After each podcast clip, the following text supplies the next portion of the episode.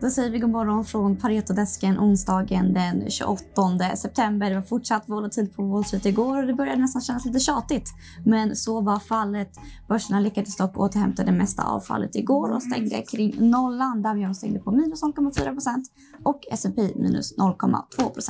Och nu blir det bankfokus för hela slanten. Vi ska prata banker med analytiker Kristin Dahlberg. Du är eh, ganska ny på Pareto. Du började i somras, men du har en lång erfarenhet från banksektorn så att, eh, det känns eh, tryggt att ha dig mm. här. Och mm. du släppte en uppdatering av banksektorn i morse mm. och vi är fortfar fortfarande positiva till sektorn. Varför då? Ja, eh, bankernas vinstprognoser påverkas positivt av stigande räntor, vilket inte är helt reflekterat i konsensusestimat.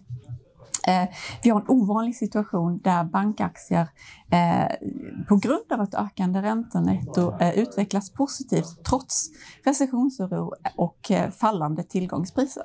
Mm. Och vi kan väl prata lite mer om räntan, för den är ju mm. central mm. just nu i de flesta mm. sektorer. Mm. Banksektorn, mm. fastighetssektorn. Fastighetssektorn har vi mm. pratat mycket om nu här senast. Men hur påverkas bankerna av stigande räntor? Eh, räntehöjningarna har en tydligt positiv påverkan eh, på eh, eh, räntenettot för bankerna och vinsterna. Enligt bankernas egna prognoser kan eh, vinst per aktie komma att påverka så mycket som 10 20 procent av en, en ökning på 1 i, räntan. Eh, det finns dock många faktorer som kan påverka.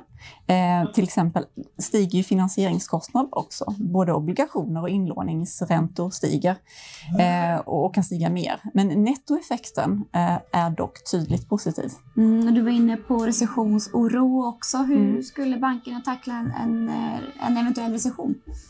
Eh, bankerna är väl förberedda för en konjunkturnedgång kapitaltäckning och reservering för framtida kreditförluster ligger båda på, på höga nivåer för samtliga banker.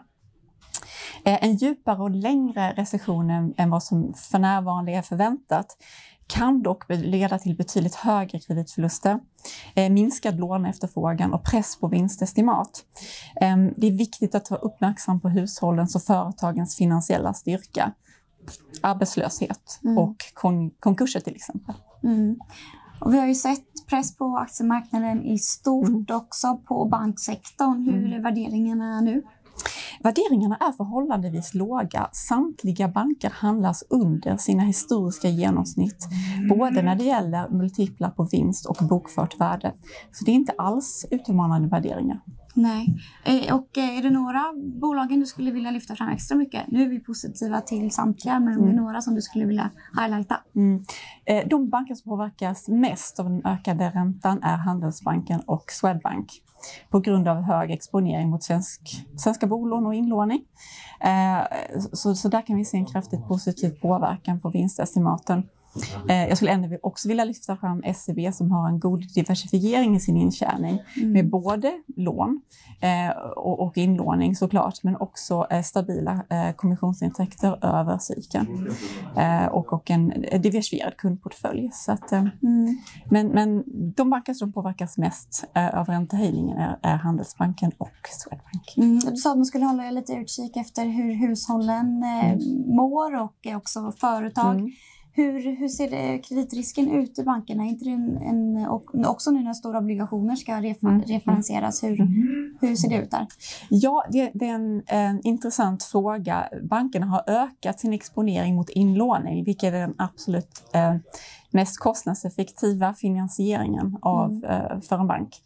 Eh, och, och, där kommer ju givetvis kostnaderna att påverkas av stigande räntor också, men inte alls lika mycket som eh, marknadsfinansiering, alltså obligationer utställda, eh, antingen bolånade obligationer eller icke säkerställda obligationer, där eh, räntor och kostnaderna för dem har ökat betydligt mer. Mm.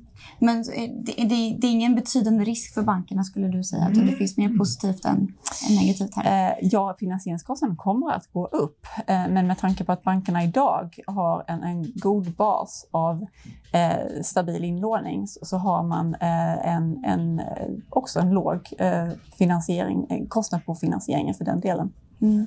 Ja, tack så jättemycket Kristin. Alltså, tack att hyfsat låga värderingar i en sektor som gynnas av stigande räntor. Tack så mycket.